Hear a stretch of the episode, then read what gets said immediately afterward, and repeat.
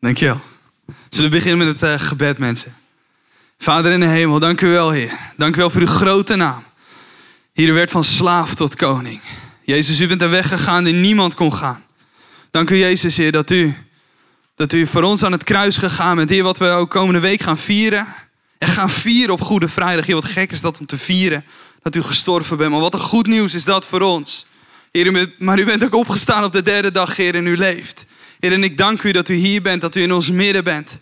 Heilige Geest, kom en waai over ons heen op dit moment, Heer. Doe wat u alleen kunt doen, Heer. Spreek uw woorden. Kom met kracht, Heer, in de naam van Jezus. Amen. Amen. Goedemorgen, lieve gemeente. Goedemorgen. Ik had nooit verwacht dat, ik, dat ik dat hier vanaf deze plek ooit nog een keer zou zeggen. Ik heb zes jaar op deze school gezeten. Mijn naam is eh, Marcel Oosterkamp. Geboren in Emmeloord. Getogen in Kuinderen in de Kunder. Mijn moeder is hier. Dag mama en mijn zusje ook. En onze familie. Mijn vrouw zit daar trouwens. Zij spreekt geen, uh, geen Nederlands. Ik kan alles over haar zeggen nu.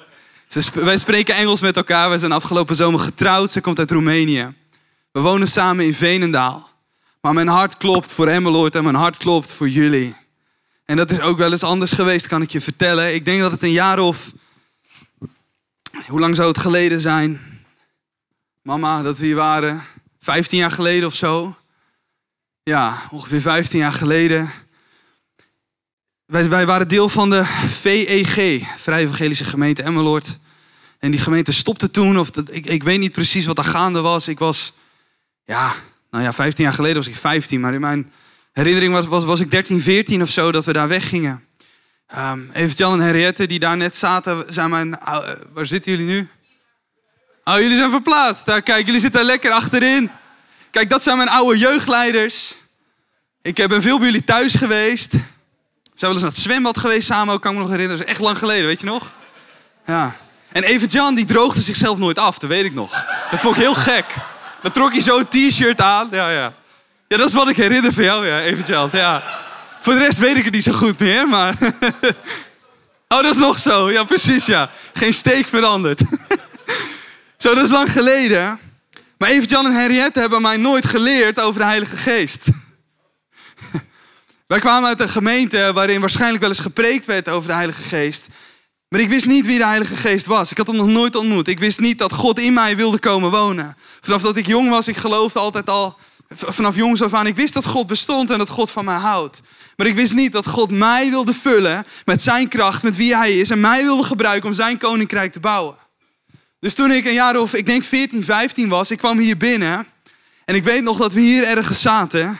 En dat ik het idee had, ik weet niet wat deze mensen hier aan het doen zijn, maar dit is niet voor mij. Jullie, het, het, valt me trouwens op dat dat vandaag niet gebeurt. Iedereen was in tongen aan het spreken. Zijn hier nog mensen die in tongen spreken vanochtend? Halleluja. Ik zegen jullie. Maar iedereen sprak hier in tongen. Iedereen hardop vanaf het podium. En de Heilige Geest was hier krachtig aanwezig, zou ik zeggen, nu vandaag. Maar op dat moment dacht ik, die mensen zijn knettergek. Die zijn knettergek, levend water. En mijn Lord, jullie zijn knettergek. Wat jullie hier aan het doen zijn, dat is niet bijbels. Want wonderen en tekenen zijn gestopt toen de apostelen gestorven zijn. Dit is, dit is slecht wat jullie aan het doen zijn. En jarenlang heb ik een oordeel gehad over jullie. Ik heb een oordeel gehad over jullie. Ik heb net vergeving gevraagd aan de oudste. En dat heb ik ontvangen. Dank jullie wel daarvoor. Maar ik heb jaren een oordeel gehad over jullie. Totdat en ik denk dat het iets meer dan tien jaar geleden is geweest. Ik op de Battled was, christelijke camping in Zelhem. Waar ik meedeed aan het jongerenwerk. Wat ik later mocht gaan leiden ook. Maar op dat moment was ik gewoon jeugdleider. En ik had een groepje tieners zo onder mij. Dus ik werd ook jeugdleider. En er was ontzettend veel kracht van de Heilige Geest. En elke keer als er een moment was dat er voor mensen gebeden werd voor, voor vervulling met de Heilige Geest, dacht ik, ja, dat is niet voor mij. En op een gegeven moment er was een, een, een toerustingsmoment voor jeugdleiders. En het eerste deel was heel praktisch. Hoe leid je een groepje? Hoe spreek je met tieners? Hoe spreek je over Jezus? Hoe leg je ze de Bijbel uit? Hoe neem je ze in het programma mee? En het tweede deel dat was een heilig toerustingsmoment waarin gebeden werd voor meer van Gods geest. En de leider toen zei, Marcel, joh, ik weet, jij worstelt hier een beetje mee. Je mag erbij zijn hoor. Van harte welkom, maar als je weg wil gaan, doe maar. Ga maar, ga maar weg. Maar kom in ieder geval naar het eerste deel. Dus dat deed ik netjes en toen ging ik weg. En ik zat bij een kampvuurtje en het duurde een uur, het duurde twee uur, het duurde drie uur. En al die gasten die bleven maar weg. En ik dacht, nou ik moet toch maar weer eens kijken. En het was een zaal te grootte van deze, de ark. En ik kom naar binnen en ik had zo'nzelfde ervaring als dat ik had hier bij jullie levend water. Man, het leek wel alsof iedereen aan het opstijgen was of zo. Alsof ze zo op een moment de hemel, dat ze opgenomen zouden worden. En toen dacht ik, dit is niet voor mij. Ik ging in het midden zitten op een stoel. En de leider van die week, die, die kwam naast me zitten. En zei, Marcel, wauw, dit is gaaf hè? God is hier. En hij was enthousiast en ik zei, oké. ik zat echt zo met mijn armen over elkaar, weet je wel. En uh, hij zegt, mogen we voor je bidden? Ik zeg, nou echt niet. Zeker niet. Nou ja, maar weet je eigenlijk wel, want ik heb pijn in mijn buik, ik heb last van mijn darm al zo lang. Wil je daarvoor bidden? Want ik had wel eens gehoord dat God misschien toch wel genas of zo. Ik wist het niet, ik was in verwarring. Ze zeg, ja, is goed, is goed. Huppakee, iedereen kom, kom, kom. Dus iedereen zette me, ging, werd een kring gemaakt, super charismatisch. Marcel in het midden, ik voelde me hartstikke ongemakkelijk. Er werd me niet uitgelegd wat er ging gebeuren, maar ik dacht, het zal wel. En ze legden mij de handen op. Ik werd op dat moment niet genezen, maar ik werd vervuld met de Heilige Geest. En dat moment, dat heeft mijn leven op zijn kop gezet.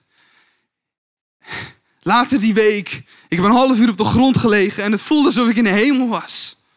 God kwam zo ontzettend dichtbij. En ik ontdekte dat God niet een God van ver weg is, maar dat God een God van heel dichtbij is. En dat hij in mij wil wonen. En ik snap het nog steeds niet. Ik die mens ben, God die, die schepper is van hemel en aarde, die ervoor kiest om in een, om een miserig mensje als ik te komen wonen, maar hij deed het wel. En hij vervulde mijn leven en ik ontdekte, God wil mij gebruiken om zijn koninkrijk te bouwen hier op aarde. En daar wil ik het met jullie over hebben vandaag, over ontvang de Heilige Geest. Ik weet, het is volgende week Goede Vrijdag, het is Pasen. Dus dit valt misschien niet in de lijn. We, gaan al naar Pinksteren toe. Is dat goed met jullie? Is dat goed vandaag? Is dat oké? Want ik geloof dat God opnieuw zijn geest wil uitstorten over jullie vandaag. Ik denk, laten we nou maar eens gewoon stoppen met dat oordeel. Laten we gewoon terugnemen wat de duivel gestolen heeft. En, en laten we dat teruggeven aan jullie. Ik geloof dat God jullie meer van zijn geest wil geven vandaag. Zijn jullie verlangend daarna? Want je hebt meer nodig. Wie heeft meer nodig van Gods geest? Halleluja. We hebben allemaal meer nodig van Gods geest. Niet om een heilig, leuk, gezellig feestje te vieren met elkaar. Het is bittere noodzaak dat wij als christenen vol zijn van Gods geest. Ik heb hier een glas water. En dit, dit glaasje water, dit kan voor de helft vol zijn. Het kan één druppel water bevatten. Of het kan overstromen van Gods geest. Ik wil vandaag overstromen van Gods geest. En ik hoop jij, ik hoop u ook. En ik wil met jullie een stukje lezen uit Lucas 11, vers 5 tot 13. Dus als je een Bijbel hebt, pak hem erbij. By the way, voordat ik het vergeet, ik uh, werk voor uh, Stichting Meer Jezus. Wat een naam is dat, hè? Als je dat kan zeggen zo op LinkedIn. Werkt voor Meer Jezus.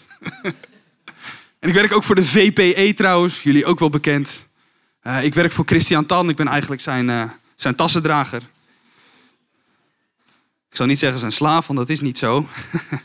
maar ik ondersteun zijn werkzaamheden. Christian die zou hier vanochtend eigenlijk uh, horen te zijn, maar hij zit in Indonesië op het moment. Hij spreekt daar voor een aantal leidersconferenties, volgangersconferenties. Zijn familie komt daar oorspronkelijk ook vandaan, dus hij is wat familie ook aan het bezoeken. Hij geeft jullie de groeten. Groetjes terug, zeg je dan? Ja, inderdaad. Ik zal het groetjes teruggeven. Ja. Ik hoop dat hij snel weer bij jullie kan komen. Maar samen met Christian, wij hebben, hij heeft de visie, en ik heb die volledig geadopteerd, om 100 kerken te stichten in 10 jaar tijd. 100 nieuwe kerken in Nederland in 10 jaar tijd. Wij geloven dat God bezig is in Nederland en dat Nederland meer kerken nodig heeft. Ik geloof ook dat Emmeloord meer kerken nodig heeft. Nieuwe kerken trekken vier keer zoveel niet-christenen aan dan bestaande kerken, bijvoorbeeld. Nieuwe kerken zijn flexibeler. Nieuwe kerken hebben iets wat bestaande kerken soms niet hebben. Nou wil ik niet een oordeel opnieuw op jullie leggen. Maar iedereen zou betrokken kunnen zijn op kerkplanting. Wat zou het gaaf zijn als uit deze gemeente weer een nieuwe gemeente voortkomt. Ik heb onder andere sociale geografie en planologie gestudeerd. En de Noordoostpolder is natuurlijk wel een klassiek voordeel, voorbeeld van hoe je een nieuw gebied planmatig inricht. Je hebt een soort van cirkel met in het midden een wat grotere stad. En mijn Lord, grotere stad. Halleluja. Woehoe.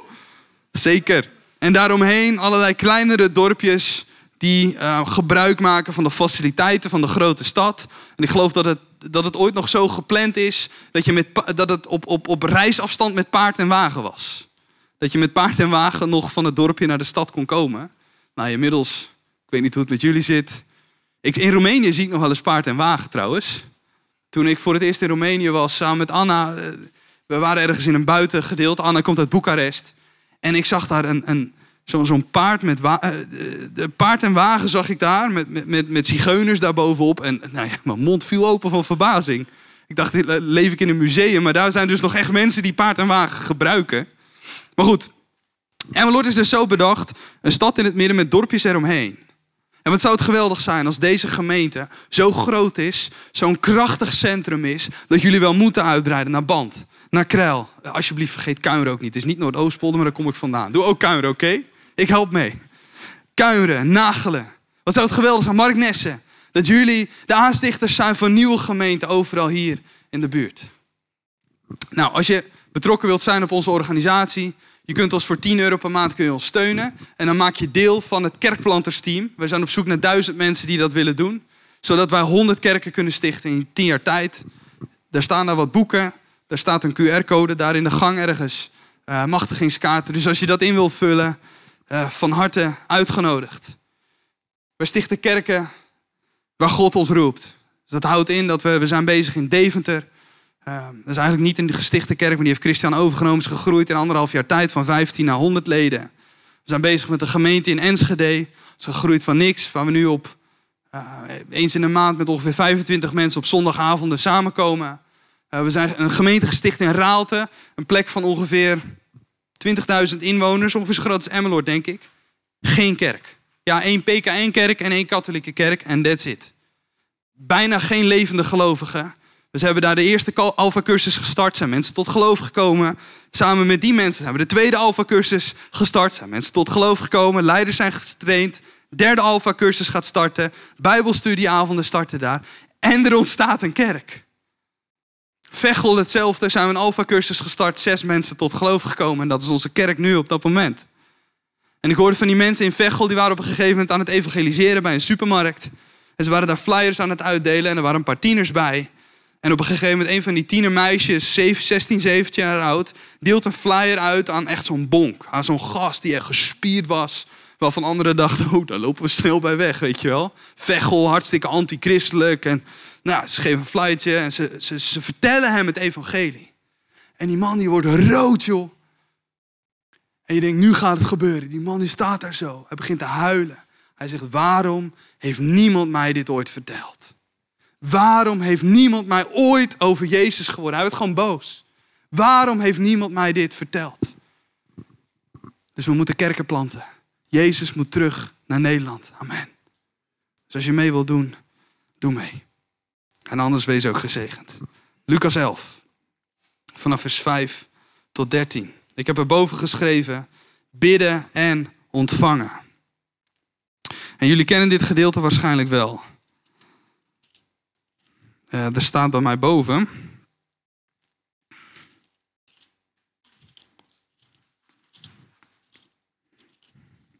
Het gebed des Heren. Uh, het stukje daarvoor. Jezus leert dan het Onze Vader. Uh, zijn discipelen die zeiden tegen Jezus: Heer, leer ons bidden, zoals ook Johannes zijn discipelen geleerd heeft, staat er in vers 1. En dan zegt Jezus tegen zijn discipelen, Lucas 11, vers 2: Wanneer u bidt, zeg dan: Onze Vader, die in de hemelen zijt. Ja, uw naam? Ja, ja. U wil geschieden? Geef ons heden.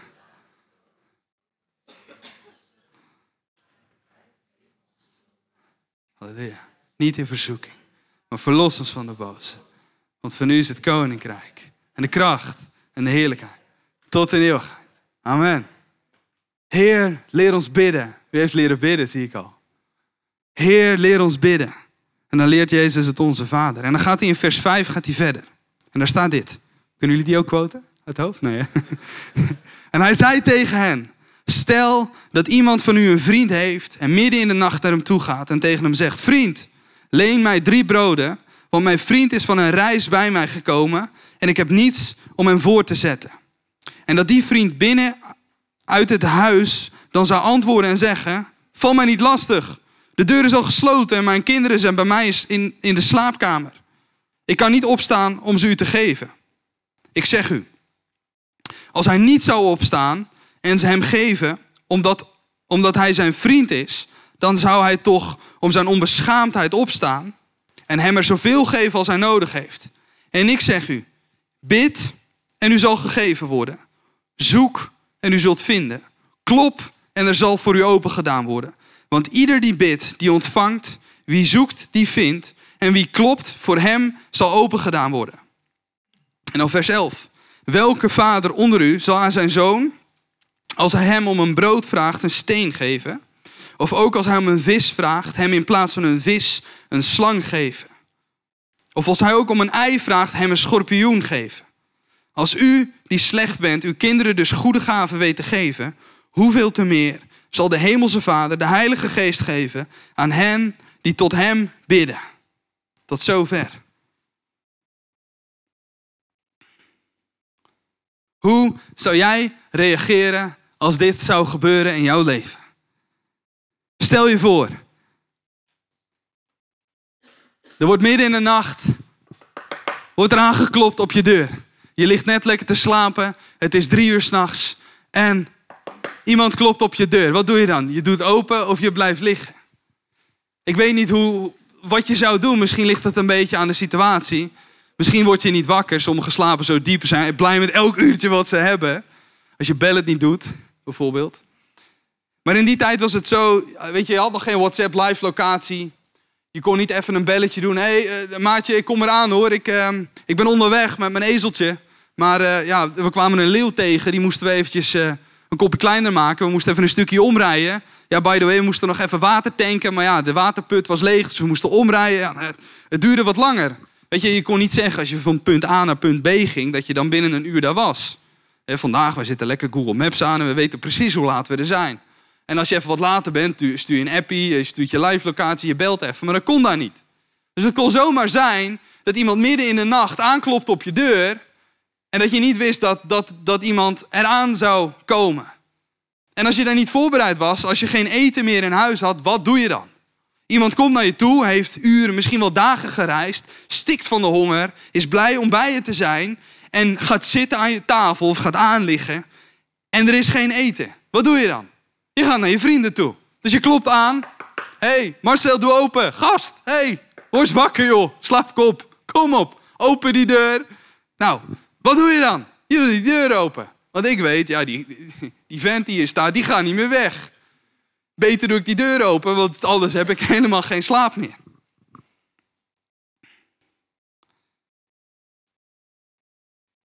En God zegt, doe dit ook met gebed. Klop aan. God is je vriend.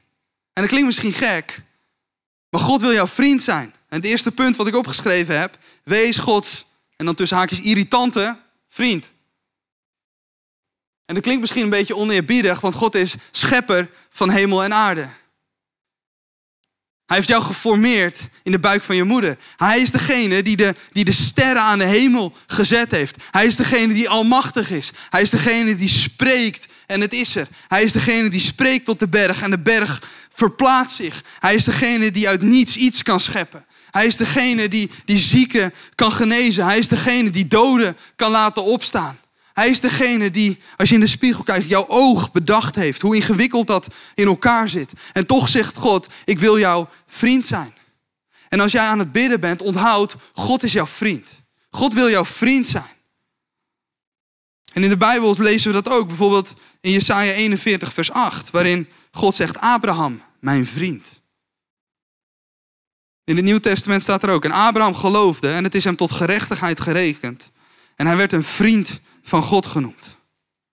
En in het Hebreeuwse, uh, in de Hebreeuwse en Griekse grondtekst worden de, de woorden die bijvoorbeeld Jesaja en Jacobus gebruikt voor vriend, die duiden op genegenheid en nabijheid. God is niet een, een kennis of een, een vaag persoon of een Facebook-vriend die ergens in je lijst staat. God is een vriend die heel dichtbij is en genegen is naar jou.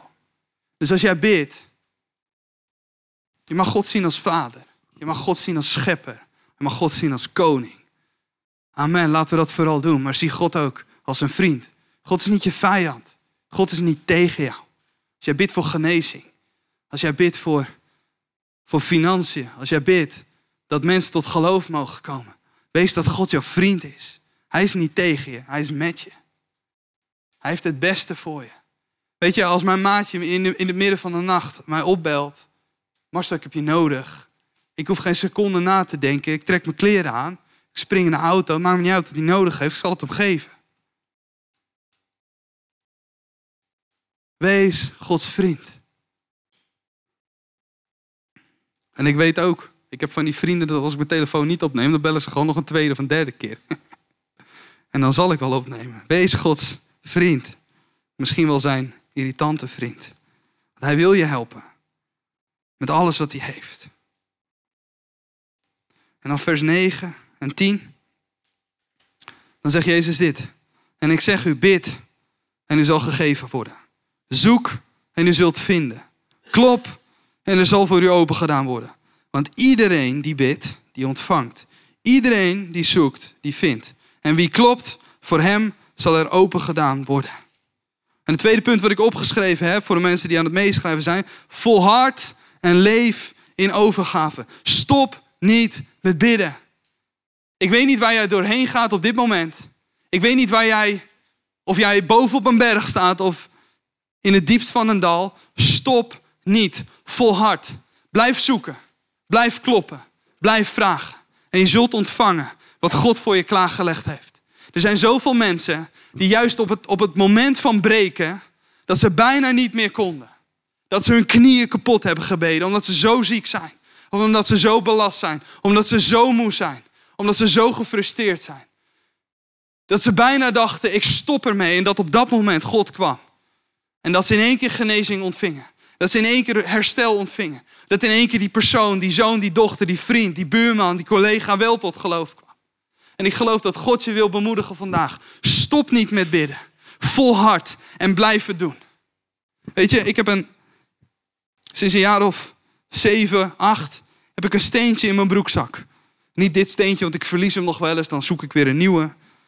En ik heb een steentje in mijn broekzak. Toen ik hier op deze school zat, toen ik hier aan deze tafel zat, heb ik vriendschappen voor het leven aangegaan. En dit was, is, was een christelijke school, is een christelijke school, toch? Ja. Dat was het in ieder geval en is het nog steeds. Maar ik zat met gasten in een klas die niet opgevoed waren in een christelijk gezin, die niet in de kerk geboren waren, die Jezus niet kenden. En die jongens zijn nog steeds mijn beste maten. We zijn jarenlang elk jaar met elkaar op vakantie gegaan. Ze wonen allemaal niet meer in Emmeloord, in Tollebeek en Urk. Ze, zijn, ze wonen overal in Europa. Het zijn nog steeds mijn beste vrienden. Maar die jongens die kennen Jezus niet. We zijn met z'n zessen. En van die zes ben ik de enige die Jezus volgt. En ik heb besloten, al zal ik moeten bidden, totdat ik zal sterven. Ik bid elke dag dat die gasten Jezus leren kennen. Ik blijf bidden. Ik blijf zoeken. Ik blijf vragen. Ik blijf aankloppen. Ik volhard in mijn gebed. En ik geloof dat er een dag zal zijn dat ze Jezus zullen leren kennen. Maar het zal niet aan mij gelegen hebben, broeders en zusters. Het zal niet aan mij gelegen hebben. En ik denk dat we allemaal wel mensen kennen die Jezus niet, die Jezus niet kennen. En dat doet ons pijn. Het zijn soms mensen die heel dicht bij ons staan.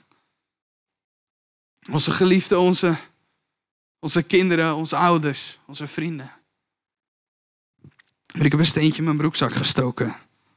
En elke keer als ik dat, dat, dat steentje voel, en dat is soms één keer per dag of soms vijf, vijf keer per dag, dan bid ik voor ze. Heere God, raak ze aan. Kom met uw koninkrijk, kom met uw kracht in. Zet de deur naar hun hart open. Raak ze aan, Jezus. Wees met ze, als we u nodig hebben. Bescherm ze, Laat mij een voorbeeld zijn voor ze. Maar ik zal niet ophouden. Elke keer als ik een andere broek aantrek, pak ik dat steentje weer. Het gaat er weer in.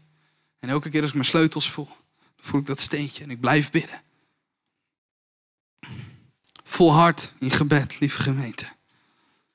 En leef in overgave. Weet je, misschien ben je op een punt gekomen dat je denkt dat God niet groot genoeg is. Ik heb wel eens zo'n moment dat ik denk, ja, God, kunt u dit wel? Dat klinkt misschien heel gek, misschien ben ik de enige hoor die dat heeft. Nou ja, God, kunt u dit wel? En dan denk ik bijna dat God niet groot genoeg is om die gasten te redden. Maar dat is een leugen. En ik spreek tegen jou ongeloof vandaag. Wijk in de naam van Jezus. God is bij machten te doen veel meer dan ons bidden en dan ons denken. God is groter dan dat jij denkt. Kijk naar het kruis. En weer een kruis. Kijk naar het kruis. Hallo gemeente, kijk naar het kruis. En zie Jezus. Zie het, het kruis, hier is leeg. Jezus heeft daar gehangen. Jezus die 100% God was. Jezus die 100% mens was. Die naar de aarde gekomen was. Die nooit gezondigd heeft. Die is gestorven aan het kruis. Volledig misplaatst. U en ik, jij en ik, wij hadden daar moeten hangen. Wij hadden moeten sterven voor de zonde die wij gedaan hebben. Maar Jezus hing daar, volledig onschuldig. En op de derde dag stierf hij. Eh, op de derde dag stond hij op. Zelfs het graf kon hem niet houden. De dood kon hem niet houden en hij stond op. Zelfs de dood kon hem niet houden. Hij heeft de dood overwonnen. Hallo, denk je dat Jezus niet bij machten is? Die vriend, die vriendin te redden. Denk jij dat Jezus bij machten is jouw ziekte niet te genezen? Denk jij dat Jezus niet bij machtig is te geven de financiën die je nodig hebt om te eten, te drinken? Kijk naar het kruis en zie hem. Met alle respect, maar kijk naar Jezus. Focus je niet op je problemen, maar vertel. Misschien heb je grote problemen, maar focus je niet op je grote problemen, maar vertel je problemen hoe groot God is. Amen. God is zo ontzettend groot. En als je op zoek bent naar genezing, kijk naar de geneesheer.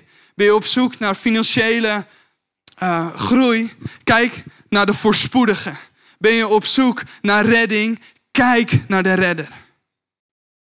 Jezus is op zoek naar jou. Ben jij op zoek naar Hem? Volhard in je gebeden en leef in overgave. Oh ja, tuurlijk. Er zijn momenten dat God je, antwoord, je gebeden niet beantwoordt. Niet alle gebeden zijn in lijn met Gods woord. En natuurlijk, God gaat nooit in tegen zijn woord.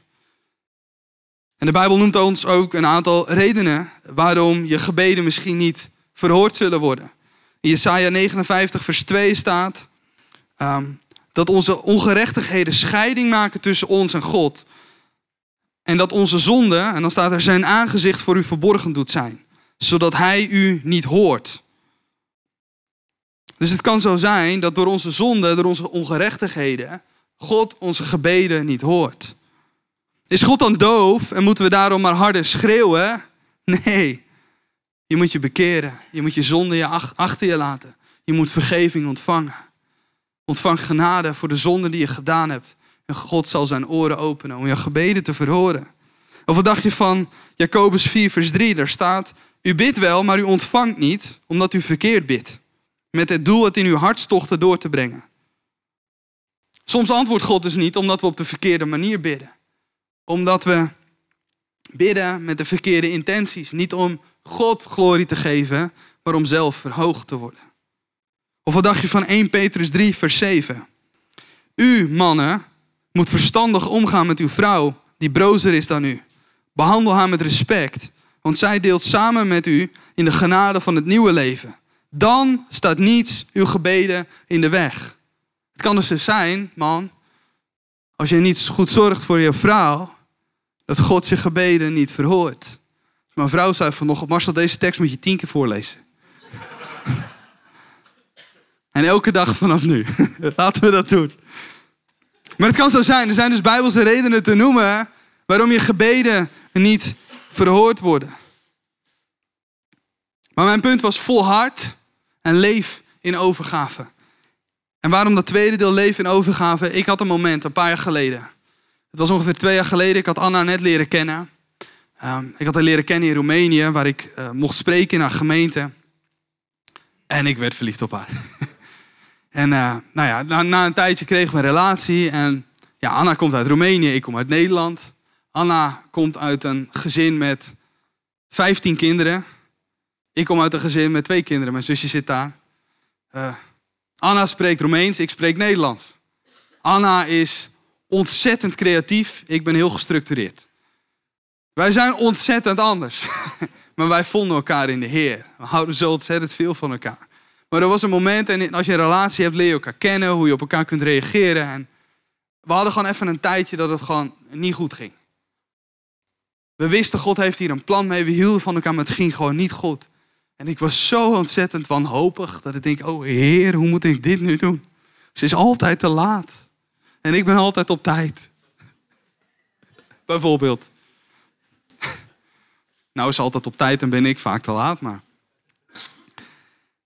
We liepen gewoon tegen dingen aan op het punt dat ik het gewoon niet meer wist. Heer, we hebben een relatie, maar ik geef het terug aan u. Heer, ik, als wij straks gaan trouwen, ik, ik haal dat meisje uit Roemenië. Daar waar ze zo ontzettend tot zegen is voor de kerk daar. Ze leidt aanbidding. Ze, ze deed daar ontzettend veel goede dingen. Nou trouw ik met haar. En dan trek ik haar helemaal naar Nederland toe. Moet ik dat wel doen, Heer? En dan gaat het ook nog eens eventjes niet goed in onze relatie. Wat bent u aan het doen, Heer? Ik wil onderscheiden wat u nu echt aan het doen bent. En ik zei tegen God, Heer, u moet tot me spreken. Heer, ik wil weten, net als het verhaal uit Johannes 15 van de ware wijnstok. Ik wil weten, Heer, of u deze tak aan het uitrukken bent omdat het geen vrucht zal dragen voor uw koninkrijk.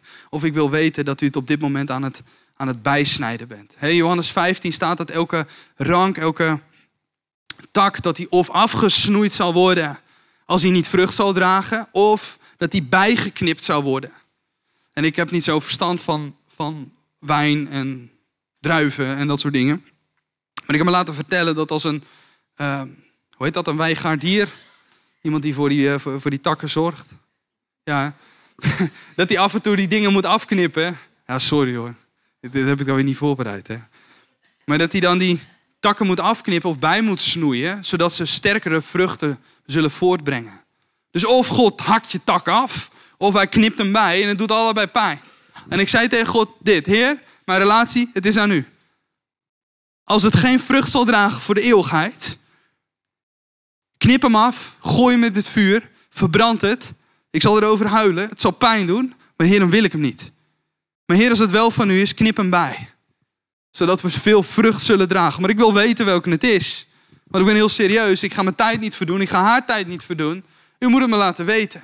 En ik was daarvoor aan het bidden. Ik was aan het huilen. Ik, ik, ik was gewoon, ik was verward. Ik kan me nog goed herinneren. Ik was in Boekarest. Ik zat op, in mijn kamertje. Ik zat op mijn knieën. En toen ging mijn telefoon. Mijn maatje Wouter aan de telefoon. Mijn broeder in Christus. Hij zegt, Mars, hoe is het met je? Ik zeg, nou, ik weet het niet, joh. Ik ga door zo'n moeilijke tijd heen. Ik weet het niet met Anna. Ik hou zo ontzettend veel van haar. Maar het is soms... Het is, zij is zo onmogelijk. Nee, dat zei ik niet. Nee, het is zo onmogelijk. En ik weet het niet. Ik moet weten van God of, of ik verder moet gaan. En toen zei hij, ah, zonder dat ik dus de rest gedeeld had. Mars, ik denk dat, ik denk dat God je tak gewoon een beetje aan het bijknippen is. Wauw. En hij begon me meer te vertellen. En ik was gewoon aan het luisteren. En ik werd stil en hij zei, ben je er nog? Ik zeg, gast, je hebt geen idee wat je me nu aan het zeggen bent. Dank u, Jezus. En God antwoordde meteen. Terwijl ik aan het bidden was, ik kreeg meteen het antwoord. Ik weet niet hoe het met jullie is, maar ik heb dit altijd. Nee, dit gebeurt mij niet altijd. En ik vroeg aan God, Heer, waarom was dat op dat moment wel? En is dat niet altijd zo? Waarom bent u de God van het laatste moment? Op het moment dat ik klaar ben om, om te stoppen. Op het moment dat ik, dat, ik, dat ik echt niet meer kan. Op het moment dat ik, dat, ik, dat ik wil opgeven. Pas dan antwoordt u. Waarom bent u de God van het laatste moment? En toen zei God tegen mij, Marcel, ik ben niet de God van het laatste moment. Ik ben aan het wachten totdat jij overgave toont. Het wordt tijd dat jij je overgeeft aan mij. Want als jij je overgeeft aan Hem, kom je op het punt dat je weet, ik kan niks meer. Ik ben niks meer. Ik kan het zelf niet meer. Het is alleen nog maar God die het kan doen. En soms brengt God je op een punt waar je niets meer kunt, omdat dat het punt is waarop je eindelijk overgeeft aan Hem. Heel veel mensen denken, oh God is degene die sterke mensen roept om in zijn koninkrijk te werken.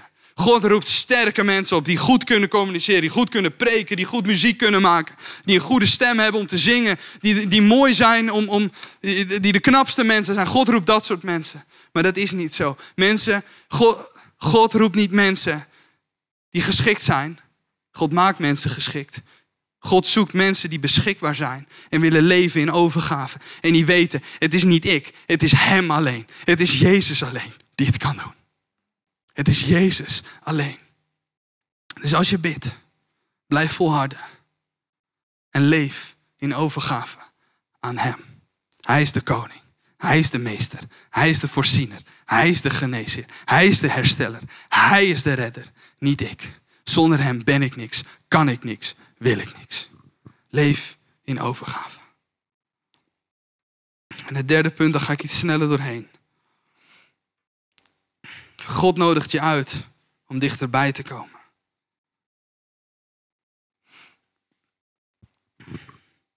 Vers 11 tot 13. Welke vader onder u zal aan zijn zoon, als hij om een brood vraagt, een steen geven?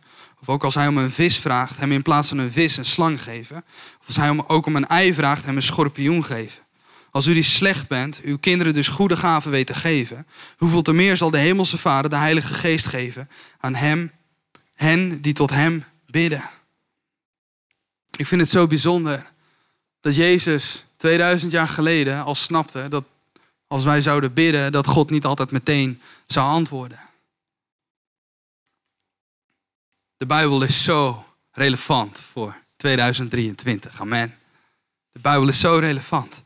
Maar weet, God is geen snoepautomaat waar je zomaar even een euro in gooit en je kan selecteren wat je wilt. Een Mars, een Twix, een Bounty en het rolt eruit. God is niet zomaar een snoepautomaat of een Sinterklaas waar je naartoe kunt gaan om een cadeautje te ontvangen. natuurlijk, God wil je cadeaus geven. Maar God is zoveel meer dan dat. God is een relationeel wezen. God heeft jou gemaakt voor relatie. God heeft jou gemaakt om bij Hem te zijn, om dicht bij Hem te zijn. Natuurlijk, als wij bidden om genezing, dan wil Hij dat geven. Als wij bidden voor financiën, Hij wil het geven als we het nodig hebben. Als wij bidden voor redding voor mensen, Hij wil het geven. Maar voordat Hij het geeft, Hij is de genezer, Hij is de voorziener, Hij is de redder. God in de kern is niet alleen maar geïnteresseerd in wat wij nodig hebben. Hij is geïnteresseerd in ons, in jou en in mij. Hij wil met ons zijn. Hij wil tijd met jou doorbrengen. Het fijn dat de kinderen weer bij ons zijn. Wat een mooi moment ook. Als je die kleine ukkeltjes ziet. Als, je, als die om een stukje brood vragen, dan geef je ze toch geen steen. Als zij iets vragen wat ze nodig hebben, dan geef je ze toch geen steen of geen slang. Je geeft ze het goede, want je bent een goede vader, je bent een goede moeder. Hoeveel te meer als u al slecht bent, hoeveel te meer als uw goede vader die in de hemel is. Als u hem vraagt om de Heilige Geest, dat hij dat wil geven. En de band mag wel naar voren komen en dan gaan we naar de afsluiting toe. God in de kern is niet geïnteresseerd in wat jij nodig hebt. Niet alleen maar. Hij is geïnteresseerd in jou. Hij wil met jou zijn. Hij wil bij jou zijn. Hij wil jouw hele hart. Hij wil jouw hele leven. Hij wil jouw hele denken.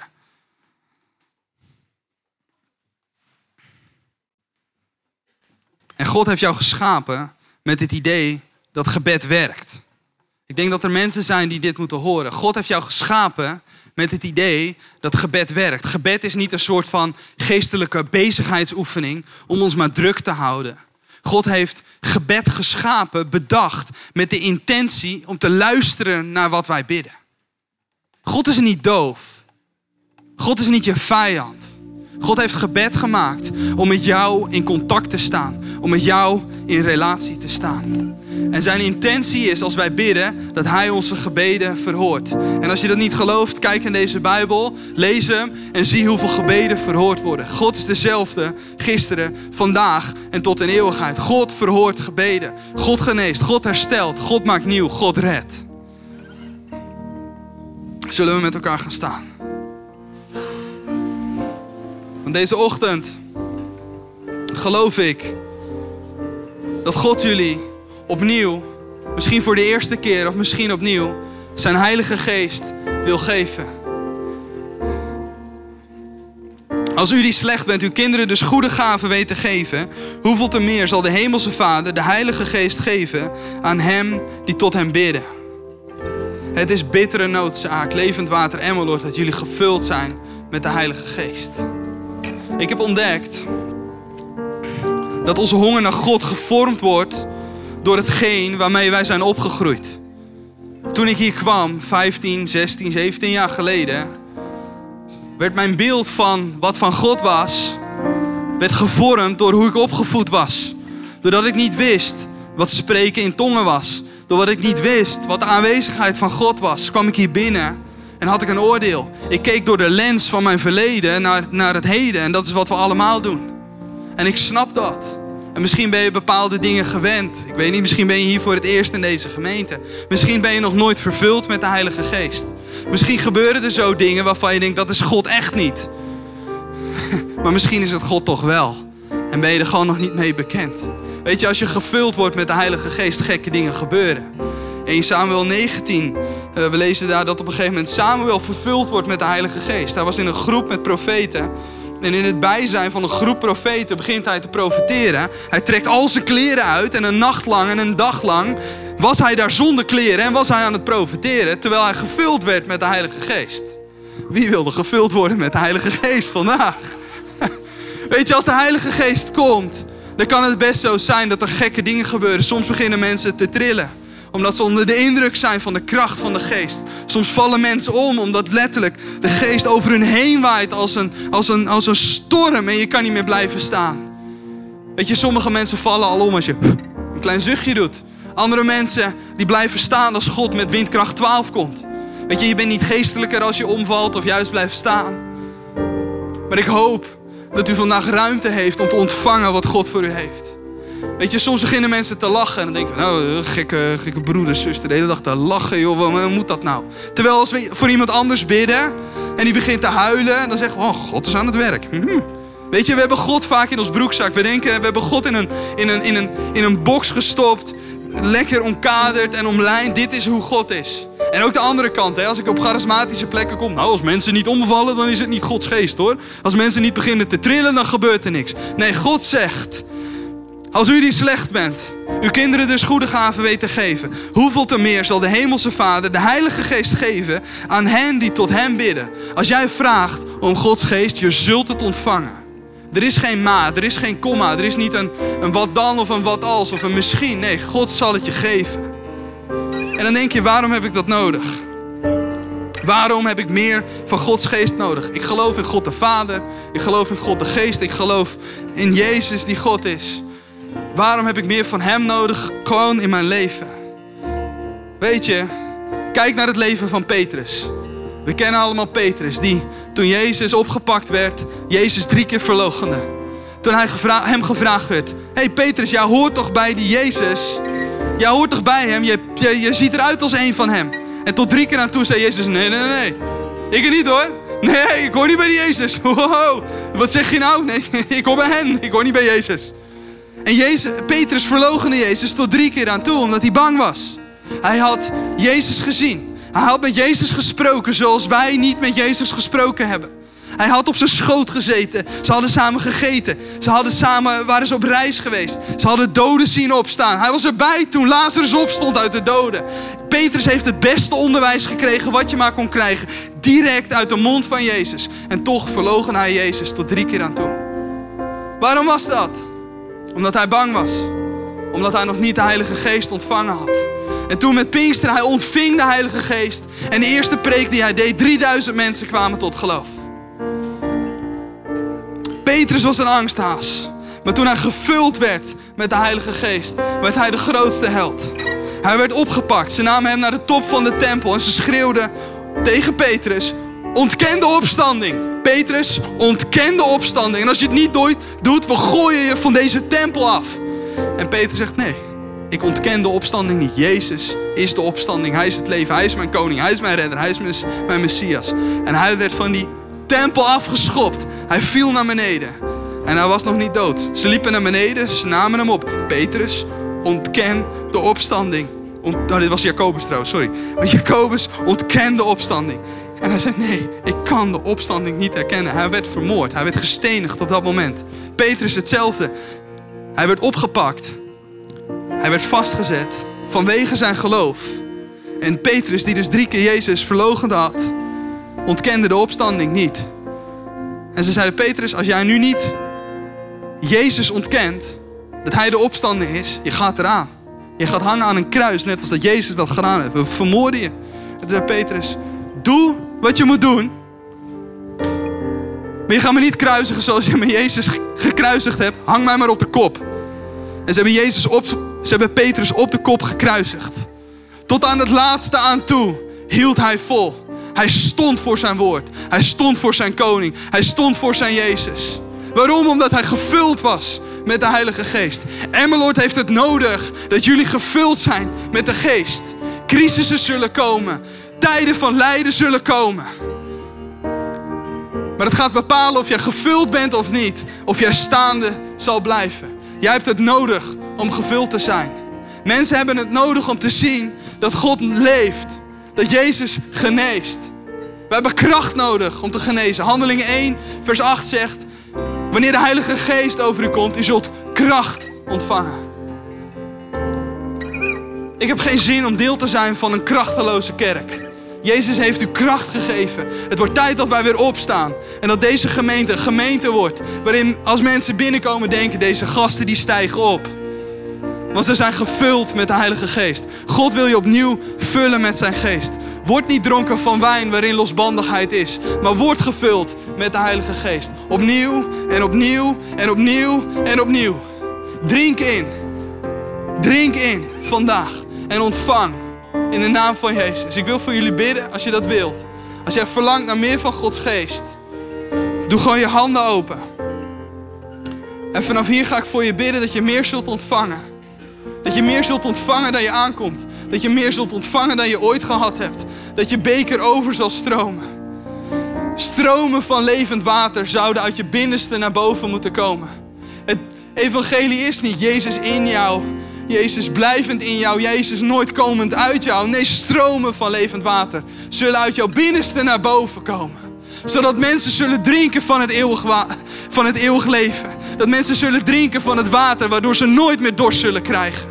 Jouw, jouw vrienden, jouw familie, jouw broers, jouw zussen, jouw collega's, jouw klasgenoten. Zij moeten drinken van Jezus. Laat ze bij jou komen. Waar overvloed is, waar kracht is. En zo bid ik. Dank u Jezus dat u voor ons aan het kruis gegaan bent. Dank u Jezus dat uw woord zegt in Johannes 14. U zegt zelf, Heer, het is nuttig dat ik wegga, zodat ik de Heilige Geest kan geven. Dank u Jezus, Heer, dat dezelfde Geest die u uit de doden deed opstaan, dat die in ons wil wonen. En zo bid ik dat u op dit moment, dat u ons vult, Heer, met meer van uw Geest. Heilige Geest, kom, Heer. En vul deze plaats. Geef meer, Heer. Vul ons, Heer, opnieuw, Heer. Heer, wij verlangen ernaar dat Emmeloord gered zal worden. Heer, wij verlangen ernaar dat die, die familieleden, die vrienden, die mensen die om ons heen staan, dat ze U leren kennen, Jezus. Heer, wij houden niet op. Wij volharden in gebed. Wij blijven bidden, Heer, totdat ze U leren kennen. We blijven bidden totdat we genezing zullen ontvangen. We blijven bidden, Heer, dat we ontvangen wat we nodig hebben. Dank u, Jezus, voor vergeving, voor genezing, voor herstel op dit moment. Dank u, Heer, dat u over ons heen waait, Heer. Vul ons, Heer, met meer van uw geest. We hebben het nodig, Heer. En dank u voor uw woord, dat u zegt dat als wij om uw geest vragen, dat u het zult geven. En zo bid ik, Heer, geef het op dit moment. U bent onze Vader. U bent onze goede Vader. En wij houden van u. Wij dienen u. Wij erkennen u als Heer. U bent onze overwinnaar. Vul ons opnieuw met uw geest. In de naam van Jezus. In de naam van Jezus. Amen.